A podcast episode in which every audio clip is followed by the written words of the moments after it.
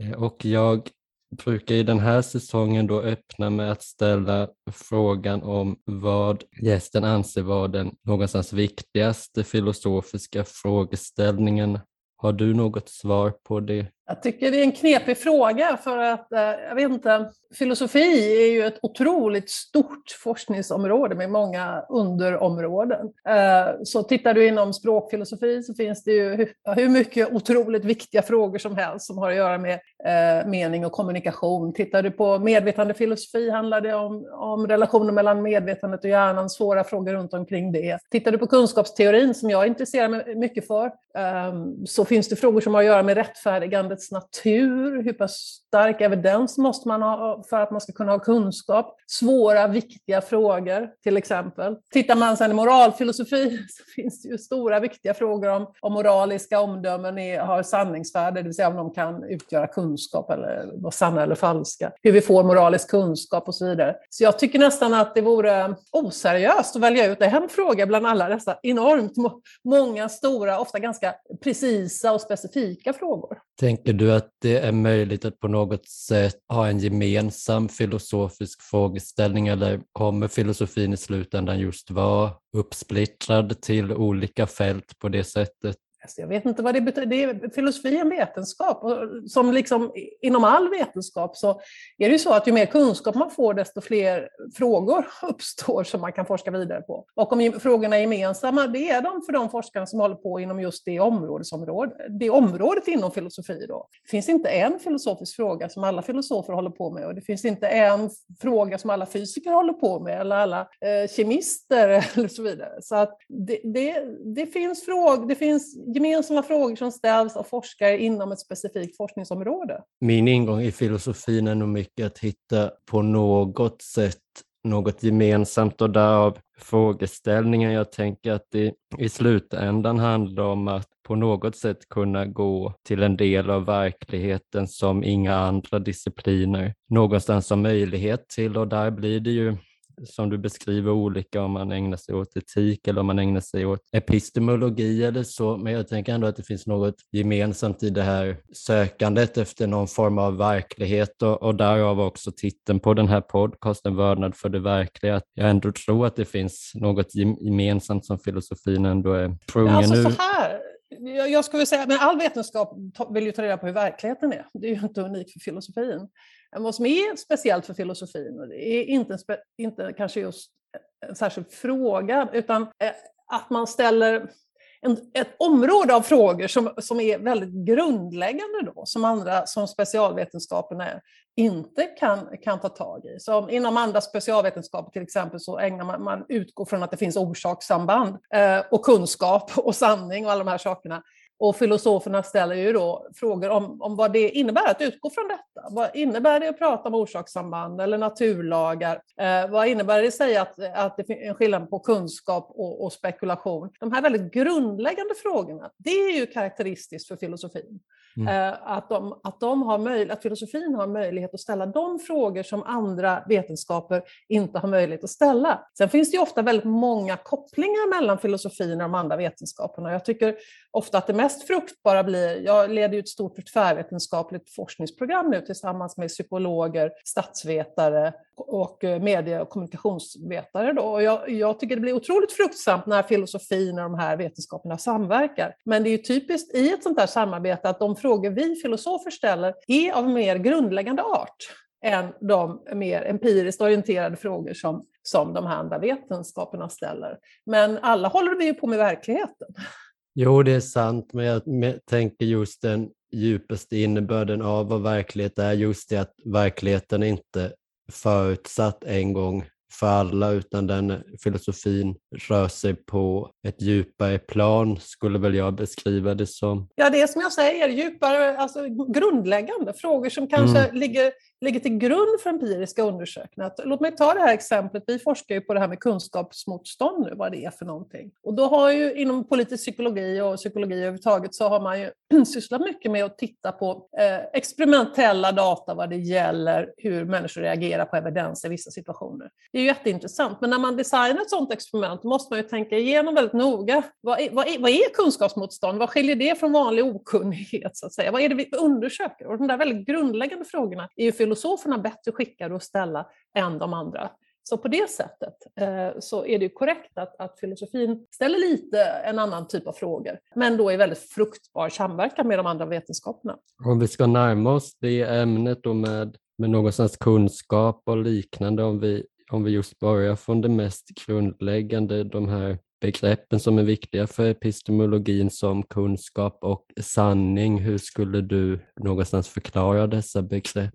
Ja, jag gör det i mina böcker, både i alternativa fakta och därför demokrati. Så, och då utgår jag ifrån den väldigt vedertagna definitionen av kunskap som, som finns eh, en version av redan hos Platon. Eh, där man säger att för att någon ska veta någonting så krävs det åtminstone tre saker. För det första, att eh, om man ska veta att jorden är rund, att man tror det. För det andra, att det man tror är sant. Och för det tredje, att det man tror, eh, att man tror det på goda grunder, att det inte bara är en lyckad gissning då. För vi vill ju kunna skilja på kunskap och, och gissningar. Eh, och den här, eh, den här definitionen står sig väldigt väl filosofihistoriskt. Sen finns det en stor samtida diskussion runt omkring exakt vad de här, hur de här olika komponenterna ska förstås. Och huruvida det behövs något ytterligare också för att någonting ska vara kunskap. Är de här villkoren både tillräckliga och nödvändiga eller är de bara nödvändiga? Eh, men jag tycker för de syften som jag har i mina böcker så räcker det bra att utgå från att det här är tre nödvändiga villkor. Man måste få ha kunskap eh, då. För det första, tro det det handlar om. Man måste tro till exempel att klimatförändringarna är verkliga, eh, äger rum. Man måste ha goda skäl för det här och det måste vara sant. De tre sakerna måste vara på plats, åtminstone för att det ska vara kunskap. En fundering jag har mellan, med detta med korrespondensteori är att det ju handlar om någon överensstämmelse med världen och någonstans att kunskapen på något sätt blir ett tillstånd hos den som har kunskapen. Men om man tittar på just de goda skälen så tycks det, tänker jag, vara att det är en gradfråga någonstans, att det är goda skäl i, i grad, men det är, det är ju aldrig helt definitivt. Och, Så hur, hur, hur tänker du med det? Hur kan ett tillstånd i världen så att säga återspeglas som ett tillstånd i mig. Alltså det finns, om vi tittar på den här, utgår från den här kunskapsdefinitionen nu då, så har vi olika komponenter. Det första är ju då att jag tror någonting och det är ju ett tillstånd i mig. Det är ett psykologiskt tillstånd i mig. Och det här jag tror har ett innehåll då, det som filosofer pratar om, tankeinnehåll eller propositionellt innehåll då, som kan vara sant eller falskt. Man kan inte veta sånt som inte kan vara sant eller falskt. Så att eh, det är det psykologiska tillståndet och eh, sanningen hos innehållet i mitt tillstånd, hos det jag tror då, det, ju, det, har ju inte med psykologi att göra, det har att göra med hur världen är. Och eh, då finns det lite olika sanningsteorier, du nämner en av dem, korrespondensteorin, men det finns ju också andra sanningsteorier förstås. Jag tror att någon version av korrespondensteorin är eh, korrekt, men det finns många detaljer där som man behöver arbeta fram. Eh, men hur som helst, de, alla teorier går med på, alla seriösa sanningsteorier går med på att det är en skillnad på att eh, eh, tro någonting och att tro någonting som är sant och att den här sanningen då inte, inte är upp till min psykologi utan beror på hur, hur världen är. Så sen är det det här med de goda grunderna då, eller skälen. Och vad det handlar om är ju att det måste finnas någon koppling mellan det jag tror och hur världen är så att det inte bara är en ren gissning. Och då är den fråga du ställer, är, hur pass goda behöver de här skälen vara? Och det nämnde jag ju som en av de stora, svåra filosofiska frågorna inom kunskapsteori. Då. Det finns ju en filosofihistorisk tradition eh, som kommer från skeptiska argument, där man ställer väldigt höga krav på de goda skälen. De måste vara så goda att man inte kan ha fel. Det är en tanke som har funnits med. Och därför så, så handlar det mycket om att försöka hitta någonting, som hos eh, Descartes i hans berömda Cogito, ergo sum. Han försökte hitta liksom någon punkt som inte gick att betvivla och i det här fallet var det att han tänkte. För när han tvivlade så tänkte han, så han gick inte att tvivla på att han tänkte. Och utifrån det då försöker han bygga upp hela kunskapsbygget. Då. Så, det, så det är ett, ett sätt att se på det, är att goda skäl måste vara extremt höga så man nästan är garanterad att det man tror är sant. De flesta moderna kunskapsteoretiker menar att det är att sätta ribban allt för högt. Det behövs inte. Vad som behövs är tillräckligt goda grunder. Och grunderna är goda om de är truth conducive, det vill säga om evidensen är sådan att den gör sannolikheten att det man tror eh, är sant tillräckligt hög då, då räcker det. Men där finns ju en stor filosofisk diskussion. Exakt var går den, den gränsen? Då? Men vad man måste komma ihåg i det här, då, som jag tycker liksom är en viktig grundinställning här, är att även om det är så att evidensen då, den behöver bara vara tillräckligt god, eh, den garanterar inte sanningen, så är det fortfarande så att du vet inte om det du tror råkar vara falskt. Och det betyder att kunskap är, i någon mån så är vi, vi är beroende av att världen samarbetar så att säga. Ibland kan man få en situation där man har väldigt god evidens och det visar sig att man ändå tror något som är falskt så småningom. Då. Så vi har inga garantier. Kunskap är svårt, kunskap är någonting, men det är därför det är så otroligt viktigt eh, att vi är öppna för att vi kan ha fel och lyssna på invändningar. Just därför att vi har inga garantier. Och därför är ju vetenskapen uppbyggd just kring att man hela tiden ifrågasätter och inte bara nöjer sig med det man har, utan man hela tiden fortsätter att testa och ifrågasätta och debattera. Så att man säkert ska kunna eh, upptäcka om man har fel. Det, det, det, ligger i forskningens natur. Det som gör mig fundersam med, med korrespondensteorin är väl inte just detta med gradfrågan om de goda skälen i sig, men hur de här goda skälen så att säga kan bli ett tillstånd i oss, såvida man inte då begränsar tillståndet i oss just gäller själva tron, sedan är innehållet för tron. Den behöver nödvändigtvis inte vara ett tillstånd i oss.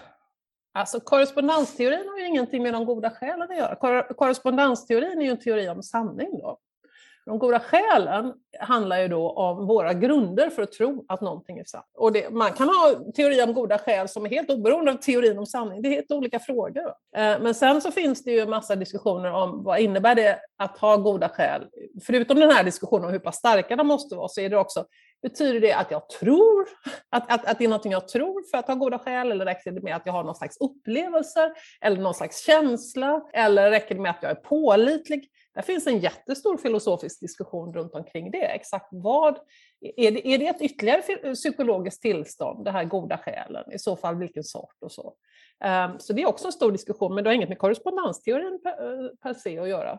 Nej, det är sant. Det jag menar är att alltså, korrespondensteorin i fråga om tillstånd, så att säga att för att kunna tala om det här tillståndet så tänker jag att det blir en fråga om hur, hur når man den här kunskapen och det är då jag tänker att de goda skälen kommer in, alltså att hur är detta möjligt så att säga att korrespondera på det sättet med världen? Och där, där har vi ju, och där tänker jag att då är det ju något tillstånd i att världen överensstämmer med mig. Och hur, hur går detta till så att säga? Och där tänker jag att den processen för hur detta går till borde någonstans bli en gradfråga i att jag korresponderar för att jag har, eller jag vet att jag korresponderar på grund av en, en viss mängd kunskap jag intar så att säga. Alltså, du korresponderar ju inte med någonting, men tankeinnehållet i dina tankar, alltså propositionen, om man är korrespondensteoretiker då, den är, när den är sann, korresponderar mot verkligheten.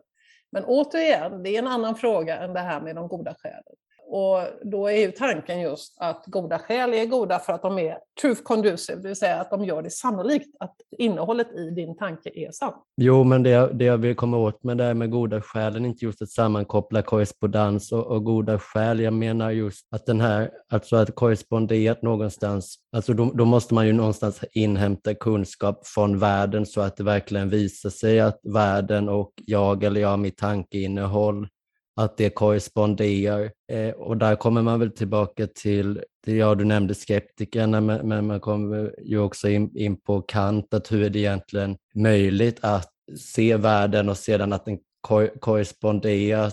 På någon punkt tänker jag att man måste skilja sig själv från världen för att sedan kunna överensstämma med världen och då tycks det som att man måste, måste ställa sig utanför den process som man själv deltar i. Nej, alltså du behöver inte veta att det korresponderar, det räcker att det korresponderar. Vad du behöver är goda skäl. Ja, det beror ju på vad vi menar med be behöver veta, men vad jag vill veta är egentligen hur kunskapen går till, hur den är beskaffad, att, att ha den grunden eh, så att säga. Och där, där, är det ju lockande med korrespondens att den överensstämmer mycket med hur man talar om detta i vardagen och det är en väldigt robust definition på vad sanning är. Men jag fastnar ändå i, i de här, här problemen med, med vad innebär det här tillståndet till världen? Hur vet vi hur världen är beskaffad? Kan man tala om att världen är beskaffad på något sätt i sig så att säga? Ja, det, det, är ju också, som jag sa förut, en stor filosofisk diskussion runt det där som, som går tillbaka till antiken också. Hur man ska förstå den här idén om en korrespondens mellan de här propositionerna och världen, eller tankeinnehåll och världen. Och det, som du säger så är Kant en av dem också som har naturligtvis eh, verkligen funderat runt det här. Eh, men det, och det, ja, jättestor filosofisk diskussion som naturligtvis också finns, men som är en, just en filosofisk diskussion, filosofiskt forskningsområde. För mig som individ, för att ha kunskap, så behöver inte jag veta någonting om hur mitt innehåll korresponderar med världen. Det räcker att det faktiskt gör det och att jag har goda skäl till det jag tror. Det var bara min poäng där. Mm. Sedan finns det naturligtvis en jätteintressant diskussion runt omkring korrespondensen, eller hur man ska förstå den här korrespondensen då mellan våra tankar och världen.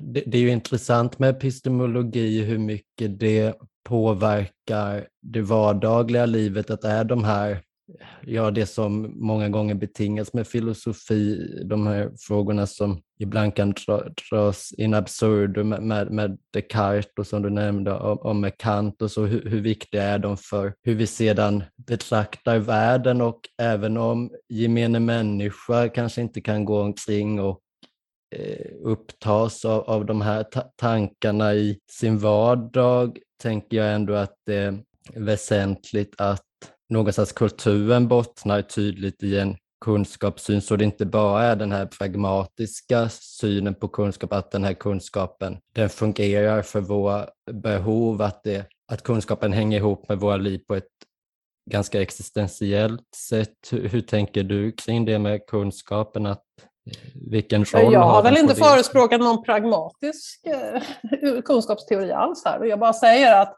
för om, vi, om vi ställer frågan vad som krävs för att någon ska ha kunskap, så, så har jag svarat på den. Och det krävs inte att man också har läst filosofi för det. Men sen finns det naturligtvis stort intresse av de här frågorna av olika skäl. Av, eh, som du säger, existentiella skäl, alla möjliga sådana skäl som gör att de filosofiska frågorna är intressanta. Eh, och det som intresserar mig just nu är förstås också att jag tycker att det finns vissa kunskapsteoretiska frågor som har direkt samhällsrelevans. När vi nu befinner oss det här Eh, anarkistiska informationslandskap som vi har, har, hamnat i och där det mer och mer faller på enskilda individen att skilja på kunskap och eh, påhet, på, eh, som man brukar säga, eh, fakta och åsikter. Och då är det viktigt att, att man förklarar lite grann grundläggande kunskapsteori om vad som krävs, eh, till exempel goda skäl och hur man ska förstå dem. Då. Så jag, jag tror visst det att lite filosofi kan vara till god hjälp där. Även om kanske liksom man inte behöver ha filosofins historia på sina fingrar så, så, finns det absolut en användning av lite tillämpad kunskapsteori i det nuläge vi befinner oss i. Det är ju ett mm. av skälen till att jag har skrivit de här två böckerna nu. Ja, eh, bara angående pragmatism, det, det är inte så att jag vill sätta någon sån etikett på dig. Jag ville bara beskriva den här mer vardagliga synen om att kunskapen fungerar så att säga, den här ja, ja, mer vardagliga inställningen till det så att säga. Men innan vi går in på de här mer demokratifrågorna och ja, vilken verkan det får i, i samhället och så, så är en sak jag fastnar för i alternativa fakta om när du skriver om sanningen, om den är instrumentell eh, eller om sanningen kan ha ett egenvärde så. Du får gärna Ja, nej men visst, jag skriver framförallt om kunskapen har ett egenvärde. För att det är klart att kunskapen har ett stort instrumentellt värde. Det vill säga, om vi ska uppnå våra mål, vilka de nu är, om målet är att man ska få mat för dagen eller man ska bygga en bro som fungerar eller man ska bota covid-19, ska vi uppnå de målen måste vi ha kunskap. Man uppnår inte sådana mål annars. Eh, och, eh, så kunskapen har ett väldigt stort instrumentellt värde. Det vill säga, givet att jag vill någonting som är viktigt för mig, att bota en sjukdom eller bli mätt, få mat för dagen, så behöver jag ha kunskap för att kunna veta hur jag ska gå tillväga. Och det där gäller ju på liksom ett samhällsplan uppenbarligen också. Goda politiska beslut förutsätter kunskap, annars kan man inte uppnå de mål man har sagt sig. Om man nu vill minska brottsligheten eller sänka arbetslösheten eller vad det kan vara. Så kunskap har ett enormt instrumentellt värde. Sen finns det ju en filosofisk diskussion då, om kunskapen har ett egenvärde också. Och den är ju lite knepig den diskussionen, för man kan ju tycka, ja men självklart, det betyder jättemycket för mig att jag kan en massa om 1800-talslitteratur, även om det liksom inte gör någonting med mig, inte något instrumentellt värde. Eh, men så enkelt är det ju inte, för det, det är klart att skälet till att det betyder mycket för mig att jag kan mycket om det här, om jag kan det, är ju för att det berikar mig på olika sätt. Det gör mitt liv rikare och intressantare och gör att jag upplever saker på, på ett intressantare sätt. Och det är också konsekvenser av kunskapen. Eh, så den svåra frågan är, är det, finns, har kunskap ett värde i sig alldeles oavsett vilka konsekvenser det för med sig? Och jag tenderar att tro att det inte har det. Jag tror att det är ett jättestort instrumentellt värde på massa olika sätt. Men det finns viss kunskap man inte vill ha. Ett sånt där exempel brukar vara, vilken dag kommer man att dö? Det är ju en kunskap som inte är så oerhört värdefull, skulle jag kunna tycka. Eh, så vilket jag tycker då tyder på att kunskapen har inte ett värde i sig. Men det där diskuterar filosofer. Det finns de som hävdar att kunskapen har ett värde i sig, alldeles oavsett om det gör mitt liv bättre instrumentellt eller gör att jag får en rikare livsupplevelse eller vad det kan vara. Alldeles oavsett det så är kunskapen värdefull. Och det är jag lite tveksam till. Mm. Jag tänker att en fördel också instrumentellt så att säga om man betraktar eh, kunskapen som, som egenvärdig någonstans är att om den inte har det egenvärdet, då tycks det som att kunskapen är i tjänst till något och i så fall tänker jag att då finns det lögner som egentligen kan ta kunskapens plats så att säga. Ja, det vet jag inte. Det är klart att lögner har ju ett instrumentellt värde också. Det, jag menar, en sån som Trump ljuger ju eh, oavbrutet för att det, han, han tror att han får någon egen nytta av det naturligtvis. Men du kan inte bygga en bro på basis av lögner. Så att den instrum eh, lögnens instrumentella värde är ju otroligt eh, av ett helt annat slag. Det är för, den, för lögnaren kan det ha ett väldigt stort värde naturligtvis. Men det har inget värde när det gäller att uppnå den här typen av mål som jag har pratat om. Eh, det är därför det är så otroligt farligt, den situation vi befinner oss i nu. Desinformation om vaccin till exempel eh, gör ju att människor blir sjuka och dör. Och eh, det, det, så att eh, du kan, inte, du kan inte bota sjukdomar på basis av en lögn. Nej, lögnen blir väl egentligen mer påtaglig där det är existentiellt eller polit politikens mer metafysiska dimensioner eller vad man ska säga som, ja, ja egentligen det system som de flesta kulturer bygger på, eh, att man, man gör något heligt eh, man eh, slår fast det som, som en kunskap man har, verkligen som, som en sanning som finns. Eh, och också om man tänker på att bevara demokrati, om vi tar vaccinationsfrågan då, som jag tycker är ganska lurig i en, så, en sån här kultur som jag anser vara så pass präglad av konsekvensetiken att om vaccinationen faktiskt kan bota många människor men den också har ganska svåra biverkningar, då kan det ju utifrån ett konsekvensetiskt perspektiv egentligen vara rättfärdigat att förneka de här biverkningarna för att man ser det som så önskvärt, alltså de goda effekterna av vaccinet ser man som så önskvärt att man tycker att en lögn är instrumentellt berättigad i så fall. Ja, jag tänker inte diskutera konsekvensetik här, det är inget jag håller på med, men man kan väl konstatera att all moral, alla moraliska överväganden handlar också om konsekvenser. Eh, om vaccinen inte botar en enda människa är det ingen som skulle gå ut och bry sig om att ta fram vaccin och se till att lägga statliga pengar, på, skattepengar på det naturligtvis. Eh, och alla sådana här överväganden, eh, när man, eh, om man ska bygga en bro till exempel, så vet man att det, det, ofta är det människor som skadas i samband med att man bygger bron, men samma, sam, samhällsnyttan är stor. Så det är sådana här avvägningar som man gör hela tiden. I sjukvården måste man göra sådana avvägningar hela tiden. Om man ska transplantera ett organ, det gör man inte om man inte tror att det finns skäl att tro att patienten överlever. Och så, här. så alldeles oavsett vilken, vilken etisk teori du accepterar så kommer sådana frågor att, att spela roll. Och just vad det gäller vaccin, det du pratar om där, det, då är det, den vetenskapliga viktiga frågan först och främst är naturligtvis Eh, I vilken mån så är, förhindrar vaccin svår sjukdom och död? Och svaret på det har vi. Vi vet att det gör det i väldigt stor utsträckning. Även om det nu vad det gäller omikron inte förhindrar sjukdom så förhindrar det svår sjukdom och död. Och det är ju helt avgörande. Och eh, sedan så, så får man naturligtvis också titta på eventuella biverkningar. Det, det studerar man ju väldigt noga hela tiden. Utifrån det rimliga antagandet då att en, en stat ska eh, göra satsningar för att förhindra svår sjukdom och död så har, kan man tillsammans med det, den värderingen, det målet och eh, den här kunskapen om vaccinet sedan gå ut och agera politiskt. Det tycker jag är ett fullt rimligt sätt att tänka på. Detta med konsekvensetik tänker jag är med ett exempel för alltså det instrumentella i sanningen, om lögnen också kan eh, få det här instrumentella värdet och om det är på det viset att det här coronavaccinet lindrar sjukdom och död, det kan ju ändå vara så att det har bieffekter som kan göra att människor inte vill ta det, för det är ju också en fråga i det hela så att säga, tar man vaccinet för sin egen skull eller är det för det gemensamma skull? Så i den här frågan tänker jag att instrumentella lögner blir ganska aktuella, inte i den bemärkelsen att eh, det inte finns tillgängligt vilka, vilka biverkningar det är, men kanske hur det rapporteras om det under 2021 om man tittar på det som finns som biverkningar. Eh, läste jag i Läkartidningen att det är tiodubbelt inrapporterade biverkningar av coronavaccinet och det är ju inget som är dolt då, men det är kanske inte något som eh, det rapporteras så mycket om som det hade gjort om man verkligen såg ett egenvärde i sanningen? Jag vet inte riktigt vad du säger om jag ska vara helt ärlig. Eh, ja, egenvärde. Vi, vi ska ta reda på hur vi på bästa sätt ska förhindra svår sjukdom och död.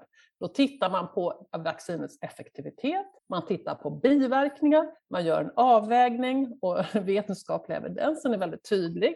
Det finns vissa biverkningar och det samlar man ju in jättemycket data runt omkring, självklart. Eh, och till svåra, svåra biverkningar räknar man att man får feber ett par dagar och sådär. Eh, och det ska vägas mot då att man hamnar på IVA och dör.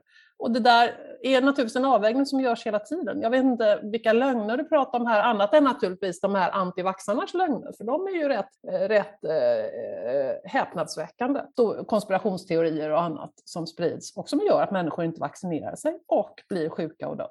Ja, men lögner, tänk, alltså, vi kan ju dels tala om det i bemärkelsen att det finns fler fall där lögner har ett instrumentellt värde, men rent konkret i detta fallet, sättet som hela frågan om eh, vaccinationsgrejen förs, och det är ju inte bara vad vaccinationet i sig är för läkemedel. Men det vi ser hända i världen nu, sett till demokrati också, är ju att demokrati förstörs egentligen. I Sverige har det inte hänt fullt ut ännu, men i Österrike och Italien där man tvingar i in människor läkemedel och eh, Frankrikes ledare säger uttryckligen att han vill jävlas med folk som inte tar vaccination. Att, ja, ja, är, detta, det, är det lögn i bemärkelsen att det inte överensstämmer med verkligheten? Ja, ja det, det är lögn i bemärkelsen att man kör över egentligen fundamentet som den kultur vi är i nu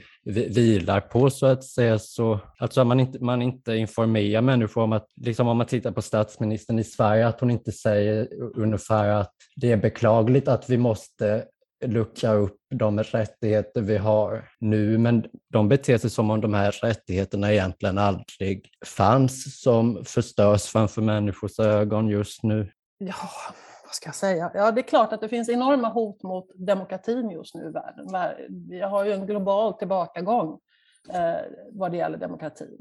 Eh, och då handlar det om framförallt högernationalistiska populistiska partier som eh, Eh, röstas fram, eh, ledare som Trump och så vidare, och Orbán i Ungern och i, i Polen. Eh, röstas fram och sedan stegvis nedmonterar de demokratiska institutionerna, den fria pressen, den oberoende rättsväsendet, den fria forskningen och så vidare. Och det här är ju väldigt väl belagt och väl studerat och mekanismerna ser ungefär likadana ut i alla de här länderna. Och det som är slående just med den här nedmonteringen är just att den alltid bygger på lögner. Lögnerna spelar en enormt viktig roll där. Eh, framförallt eh, handlar det om att eh, ja, desinformation av väldigt många olika slag. En typ av desinformation riktar in sig just mot demokratins institutioner. Man skickar ut desinformation om, om journalister och om domare och om alla de här och om forskare för att få människor att tappa tilltro till de här demokratiska institutionerna som är så centrala. Det är ju därför Trump sköt in sig väldigt tidigt på, på journalister och kallar dem för fake media och så vidare men också att underminera tilltron till, till den politiska, vad ska man säga, demokratins eh, strukturer som, som valsystemet. Det är ju något helt häpnadsväckande som har hänt i USA, där Trump har lyckats övertyga mellan 60-70 procent av de republikanska väljarna att valsystemet inte fungerar i USA. Eh, och jag är på allvar rädd för att den amerikanska demokratin håller på att gå under. Jag är inte säker på att den överlever 2024. Eh, så det här är ju extremt reella hot som vi står inför nu, som vi har att hantera.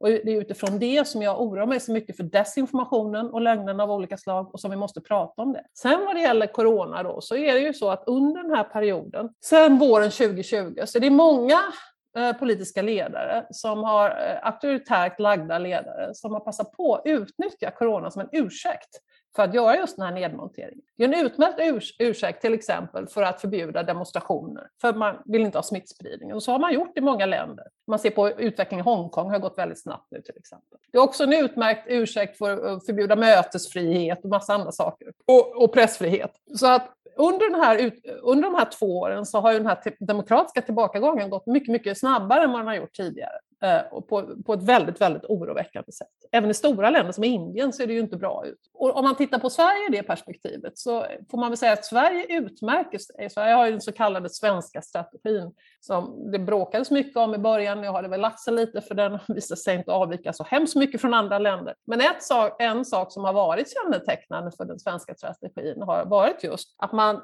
tar mänskliga, de här grundläggande fri och rättigheterna på väldigt stort allvar. Men skälet till att vi inte hade en lockdown i Sverige att vi kan inte begränsa rörelsefriheten. Man har inte laglig rätt att gå in och göra det. Om det inte råder en, man inte kan utlysa kristillstånd. Och det kan man bara göra under krig, under krigsomständigheter, inte under en civil kris i Sverige. Det var därför inte lagligt möjligt att ha en lockdown i Sverige, därför man hade så stor respekt för de här grundläggande fri och rättigheterna som man inte haft i alla andra länder. Eh, så att där varierar det lite grann hur pass, och jag vet ju, det var ju många i början som, som oroade sig för att även välfungerande demokratier var väldigt villiga att stänga in sina medborgare med hänvisning till smittspridningen. Då. Och det, det, det finns ju någonting man kan diskutera. Då, då är det extremt viktigt om man gör så, om man gör sådana här undantagstillstånd under fredstid, alltså under civil kris, man kan ju diskutera om det vore bra att Sverige skulle kunna göra sådana undantag också. Men då är det väldigt viktigt att man har det väldigt reglerat då. Eh, så att det i så fall blir väldigt begränsad tid som man får lov att göra sina undantag eh, under väldigt speciella omständigheter. Det måste vara rejäl samhällsfara och så vidare. Så att inte det här, möjligheten att utlysa en civil kris och undantagstillstånd, så att inte den möjligheten utnyttjas av auktoritära ledare för att nedmontera demokratin. För det var ju precis så Hitler tog makten till slut. Han hade ju bara 30 procent av rösterna. Men sen var det ju efter den här branden i riksdagshuset i Berlin och så vidare som han utlyste kristill, eh, kristillstånd och eh, nedmonterade fri och rättigheterna, de civila fri och rättigheterna. Så att eh, det, där, det där ska man definitivt ha blicken på. Ja, jag skulle väl inte beskriva det som att det kan utnyttjas utan att det redan utnyttjas i Italien och Österrike där, där det ju dessutom är oåterkalleligt när man tvingar i människor läkemedel och ja, tillit till de etablerade institutionerna. Det, det du tar med Sverige är ju ett väldigt bra exempel där det faktiskt fanns en, så, ett så fungerande system så att det inte gick med de här eh, att stänga in människor i, i sina hem. Det, det var ju verkligen något imponerande, men nu börjar det ju även luckras upp här med vaccinationspass och eh, dylikt. Och ja, medierapporteringen av detta och i synnerhet då det som hände i Österrike och Italien eh, tycker jag inte är särskilt imponerande. Och ja, jag kan inte säga att, att jag tycker de är värda att känna tillit till de här institutionerna. Och det är också en fråga jag har när jag läser dina böcker, att hur, hur långt kan man ha den här tilliten till institutionerna utan att det någonstans blir frågan om ett auktoritetsargument. Ja, eh, låt mig först säga det här med Italien, Österrike och så vidare. Det, det, det, är riktigt att i Sverige har vi byggt mycket mer på frivilliga åtgärder, då, alltså frivillighet. Att man, man tvingar inte folk att vaccinera sig. Det skulle man inte kunna göra. Alltså rent fysiskt kan man inte göra det i något land. Man kan inte sätta en spruta i folk, då, då, då har det gått väldigt långt. Men man kan göra indirekta saker som vaccinpass och så, eller tvinga folk som jobbar inom sjukvården att vaccinera sig. Och då kan man diskutera det. Hur pass demokratiskadligt är det? Det där är en ganska svår fråga. Det är inte alls lika demokratiskadligt som att förbjuda folksamlingar och demonstrationer till exempel. Men, men det där är en ganska svår diskussion att föra. Och jag själv uppskattar att Sverige har Eh, en, en, ett annat tillvägagångssätt, att man använder sig mycket av, eller att man utgår från att det ska vara frivilligt. Just därför att man inte vill skada tilliten till institutionerna. Då. Sen det här med auktoritetstro. Ja, det, det, är ett begrepp som slängs omkring ganska mycket. Och eh, som jag uppfattar det begreppet så handlar auktoritetstro om att tro på någon bara för att den personen är den personen. Alldeles oavsett vad den, vilka kvalifikationer den personen har, vilken kunskap den personen har, vilken roll den personen har. Så människor i USA till exempel tror på Trump för de tror att han är deras eh, räddare, deras frälsare, deras ledare. Alldeles oavsett hur många gånger han ljuger och alldeles oavsett vad han gör. Det är auktoritetstro. Om jag tror på forskare eller om jag tror på en myndighet så gör jag inte det för att jag, det är vissa personer som jag anser vara särskilt utnämnda eller utsedda. Utan jag tror på dem för att de tillhör en institution som har mekanismer för att se till att eh, man eh, hela tiden ifrågasätter, kontrollerar, inte låter sig dras iväg med, med, på känslogrunder och irrationella grejer. Utan att det finns en öppenhet, en debatt, ett, en möjlighet att ifrågasätta och granska hela tiden. Så jag tycker det är extremt viktigt och skilja på auktoritetstro och att lita på eh, eh, en auktoritet, det vill säga någon som har kunskap eller som har en tillhörande institution som, som, där, som, som fungerar på det här sättet. Sen är det ju så i en demokrati, jag menar, blind tillit är aldrig bra. Det är, det är en sak som är med demokratin och skiljer den från alla andra existerande styrelseskick, är just det tron på att vi måste ha en öppen debatt så vi kan ifrågasätta saker och vända och vrida på det så att det inte blir den blinda tilliten. Är det så att en, en myndighet inte fungerar som den ska, då ska det ut i luften, det ska luftas, vi ska diskutera, vi ska hitta lösningar för att förbättra det. Så den här öppenheten, det öppna samhället, det öppna samtalet är ju helt centralt för demokratin.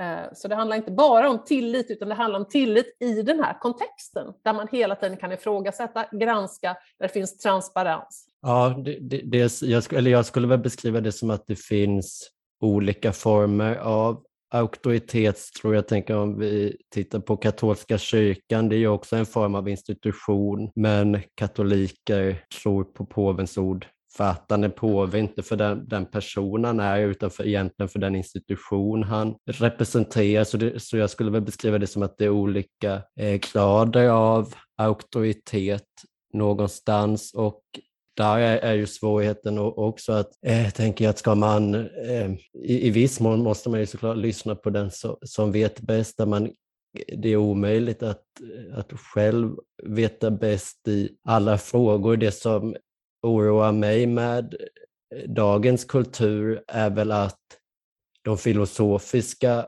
frågeställningarna, de existentiella frågeställningarna, det är sånt som varje människa måste ställa sig, hamna i skymundan. Och då kan man säga att de, kan man ju ställa, de frågorna kan man ju ställa sig på, på sitt håll. Men jag menar att det går väldigt djupt den här tilltron till vetenskap. Och att ja, det förtar något från det filosofiska. Och eh, även om det sker en diskussion, att jag tror det enkla är att manipulera en befolkning som har den här starka tron till institutionerna än en som är eh, mer skeptisk till dem. Det finns ju ingen, här, eh, eh, historiskt är det tvärtom. Alltså den, den befolkning som det är lätt att manipulera, det är en befolkning som inte tror på de här oberoende kunskapsinstitutioner och liknande, utan vilja att marschera i takt efter en ledare. Så det finns absolut ingen evidens för, för det du påstår. I den auktoritära staten är det, det är lättare att införa en auktoritärt styre i stater där det finns låg tillit till institutioner av det här slaget. Och att få folk att lyssna på, på den här ledaren. Då. Så att eh, sen vad det gäller katolska kyrkan och religion överhuvudtaget, det är ju inte, skulle jag vilja påstå, några, några slags, eh, visst är det institutioner, men de kännetecknas ju inte av det som jag är ute efter. Transparens, öppenhet, villighet att frågasätta. Allt det där som är centralt för att en institution ska fungera väl, det är ju precis det som kyrkan historiskt inte har stått för. Ja, angående evidens där, visst är det så att alla möjliga sorters folk kan följa auktoriteter, men det är ju också frågan hur man betraktar det som sker i institutioner. Att eh, det, det, som händer i världen nu menar jag är ett eh, väsentligt exempel på det med, med vaccination, att där, där finns det en alldeles för stor tillit till expertisen i, i att en så stor majoritet av befolkningen kan acceptera att deras rättigheter tas ifrån dem. Och jag, är, jag är av uppfattningen att det inte är en svår fråga om hur man ska förhålla sig, sig till det, om det, det kan vara acceptabelt att indirekt tvinga. Det är ju som du säger att det inte är ett omedelbart tvång, i alla fall inte hittills, att man går tvångsvaccinerar, men i Italien och Österrike är det väl frågan om eh, sådana stora böter som eventuellt också kan leda till fängelse, vad jag förstått det som att Ja, det, det är, är tvång i den bemärkelsen som lagar är tvång helt enkelt. Så att kolla på evidensen för hur lättmanipulerad en befolkning är beror ju också på vilken syn man har på vad som faktiskt händer i kulturen. Eh, om man tar, också tar det med Donald Trump, att jag tycker det är något som har förstorats väldigt mycket, att han skulle var något så nytt med det om man tittar med Hillary Clinton som man mötte att hon ljög ju hej vilt hon också. Ja, politiken är ett landskap av lögner någonstans. Ah, jag vet inte riktigt vad jag ska säga om jag ska vara helt ärlig. Visst, det är ju dokumenterat att det finns falska påståenden som politiker gör. Man kan jämföra både Clinton, Obama och så vidare och räkna. Men ingen politiker någonsin i USA har varit i närheten av Trumps lögner. Så är det, och det finns fakta runt omkring det. Så jag vet inte, ifrågasätter du det så har jag väldigt svårt att veta hur vi ska kunna mötas här. Alltså Trump, om man tittar på mediebevakningen av honom, den saknar ju väl egentligen också historiskt motstycke och de lögnerna man tar upp, många av dem är ju små, lögner om det stora hela, tycker jag han var ärligare än många andra presidenter. Han ville vad menar du med ärlig då, om jag får lov att fråga? ja, visst får du det. Ehm, jag menar med ärlig att han hade ett, eh, han hade ett fundament någonstans att ta ut USA ur den globaliseringen som pågick, att inte USA skulle ha samma roll i världen. Och det menar jag att Vad har det med ärlighet att göra? Det råkade vara hans åsikt. Vad har det med ärlighet att göra? Han sa att han skulle göra det och han gjorde saker som stämde överens med det om man tittar jämför med ja, det Obama. Var en sak han sa han skulle göra, men det mesta han sa han skulle göra, det gjorde han ju inte. Och det är ju en annan fråga än att säga saker som är sanna eller falska om världen. Han ljög ohejdat. Washington Post har dokumenterat om tiotusentals lögner han gjorde under sin tid som president. Det finns ingen, ingen president som kom närheten av det. det visst, det var smålögner. Han var fånig nog att ljuga om allt möjligt. Så uppenbara saker som folk kunde kolla lätt var falska. Men det slutar också med det man kallar för den stora lögnen, som är en lögn så katastrofal katastrofal att amerikansk demokrati kanske inte överlever, nämligen lögnen om det stulna valet som så många republikanska väljare fortfarande tror på, trots att det inte finns någon som helst evidens för det. Det här har egentligen, eh, ja, det har, evidensen är ännu tydligare nu än vad den var för ett år sedan. Man har tittat ännu mer på det. Det finns ingen evidens för att, att det var valfusk. Och eh, trots detta så går han omkring fortfarande och hävdar detta. Det är en sån katastrofal lögn för en demokrati. Eh, det finns ju liksom grader i, i helvetet här över hur pass skadliga lögner är för en demokrati, men det här är ju det mest skadliga man kan komma med. Eh, så att, eh, ja, nej, jag är ledsen, jag har inte mycket mer att tillägga vad det gäller Trump. Jag tror inte det är allt minsta lilla kontroversiellt heller. Nej, jag menar med med att han var ärlig med det, att jag tror i stort det var det folk röstade på och att det fanns en genuinitet där som inte fanns om man tittar på Clinton, att ja, vad var det ens hon ville? Det fanns inget hon egentligen erbjöd, det var bara en fasad. Ehm, och där, där tror jag också media egentligen misstolkade hur seriöst folk tog Trump, att det var vissa som spekulerade om att det kommer bli våldsamt när de inser att han inte kommer bygga muren kring Mexiko, men jag tror väljarna var smarta nog för att inse att det, det inte var något verkligt att det skulle byggas någon mur eh, kring Mexiko och USA, men ja, det fanns en komik i det och man kunde inte riktigt ta det på allvar tror jag och jag förstår de amerikanska väljarna att de inte kunde det när, när Demokraterna kommer med en sån politiker som Hillary Clinton. Ja, jag har inte så mycket att tillägga. Eh, jag tänker vi kan fortsätta med demokratifrågan. Att du tar ju upp i din bok om demokrati, där om ja, hur, hur långt kan man dra det och vad är egentligen demokratin för något. att den kanske rimligen inte var att minoriteten bara dikterar över majoriteten. Du får gärna berätta lite om hur, hur du ser på det. Alltså, det där, demokrati är ju ett av de där begreppen som är sliriga därför att eh, vi, det låter väldigt, det är väldigt positivt laddat i dagens läge. Alla vill ha demokrati och därför vill alla hävda att de har en demokrati, som Orban i Ungern till exempel hävdar att eh, det är minsann en demokrati där. Till och med Kina pratar ju om sin fina demokrati som är en helt auktoritär stat. Eh, så det är därför, tycker jag, i boken är det lite viktigt att, att, att vara tydlig med de här begreppen. Då. Så man kan ju, som jag skriver om där lite grann, urskilja åtminstone tre centrala begrepp i den här debatten. Dels ett väldigt, väldigt minimalt demokratibegrepp som handlar bara om en procedur. Man går och röstar och majoriteten vinner. Men det är så pass minimalt att eh, det är liksom inte, det är inte till mycket hjälp och det, det, är inga statsvetare som pratar om demokrati som ett statsskick menar att mer måste vara på plats för att det ska vara en demokrati än att människor går och röstar. Eh, människor går och röstar i Ungern och det är inte demokrati människor går och röstar i, i Ryssland och det är inte demokrati. Varför inte det? Därför man har inte frihet i Ryssland och man, man, man ser till att det inte finns några konkurrenter vad det gäller de olika partierna. Man spärrar in politiska motståndare. Man har inte de här grundläggande fri och rättigheterna som krävs för eh, det som kallas för en valdemokrati, eller lektoral demokrati, som statsvetaren Robert Dahl pratar om. Och han menar att ett antal grundläggande fri och rättigheter måste finnas på plats för att en procedur, när människor går och röstar, ska räknas som demokratisk. Och i det perspektivet då så är inte Ryssland och Kina demokratier, inte heller, inte heller Ungern. Och en grej som är intressant för mig, som han lyfter fram, Robert Dahl, är just det här att vissa grundläggande kunskapsinstitutioner måste också finnas på plats för att det ska vara en demokratisk process, till exempel en fri press. Varför det? Jo, därför att om människor inte har möjlighet att ta reda på hur samhället är, vad, hur den förda politiken har sett ut, vilka konsekvenser den har haft, så, så är den där processen inte demokratisk.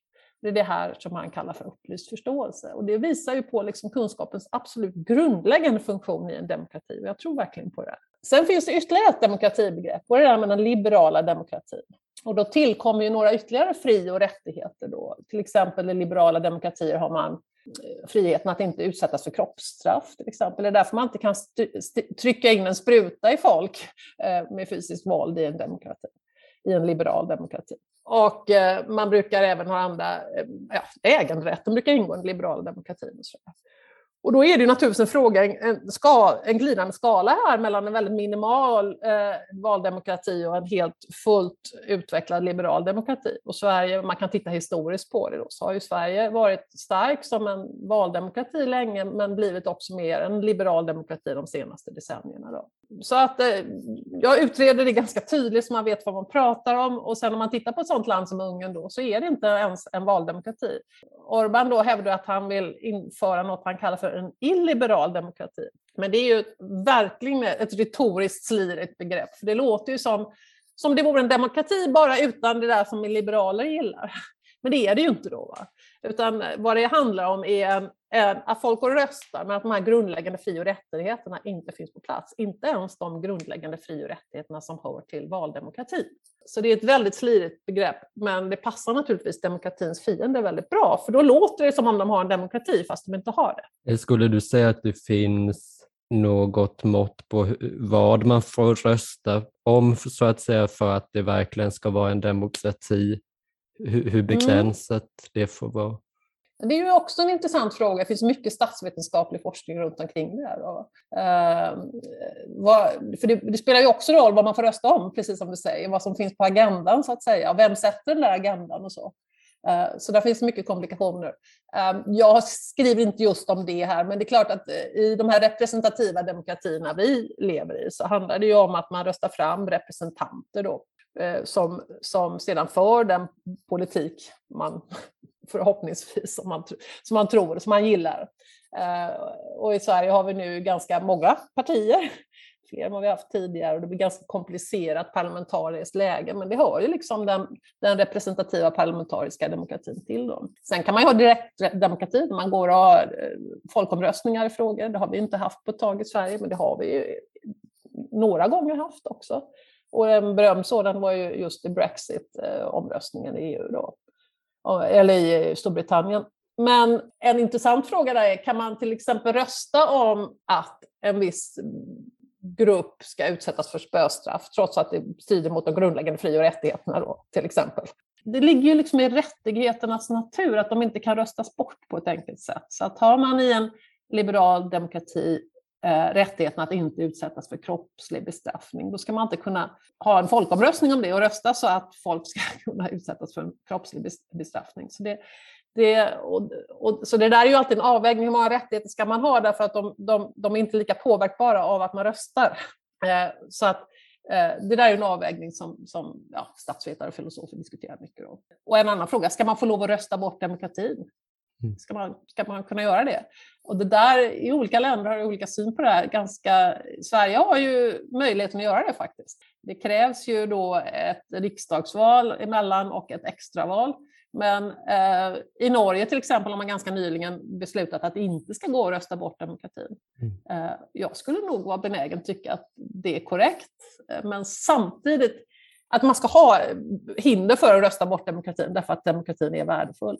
Samtidigt så kan man väl konstatera det också, som, som den här, just den här statsvetaren Robert Dahl säger, det är att om du har ett samhälle där majoritet vill rösta bort demokratin, då går det förmodligen åt skogen med demokratin ändå. Även om du har förbud mot att rösta bort den. Då. Så det är inte alls eh, säkert att man kan skydda demokratin på det viset.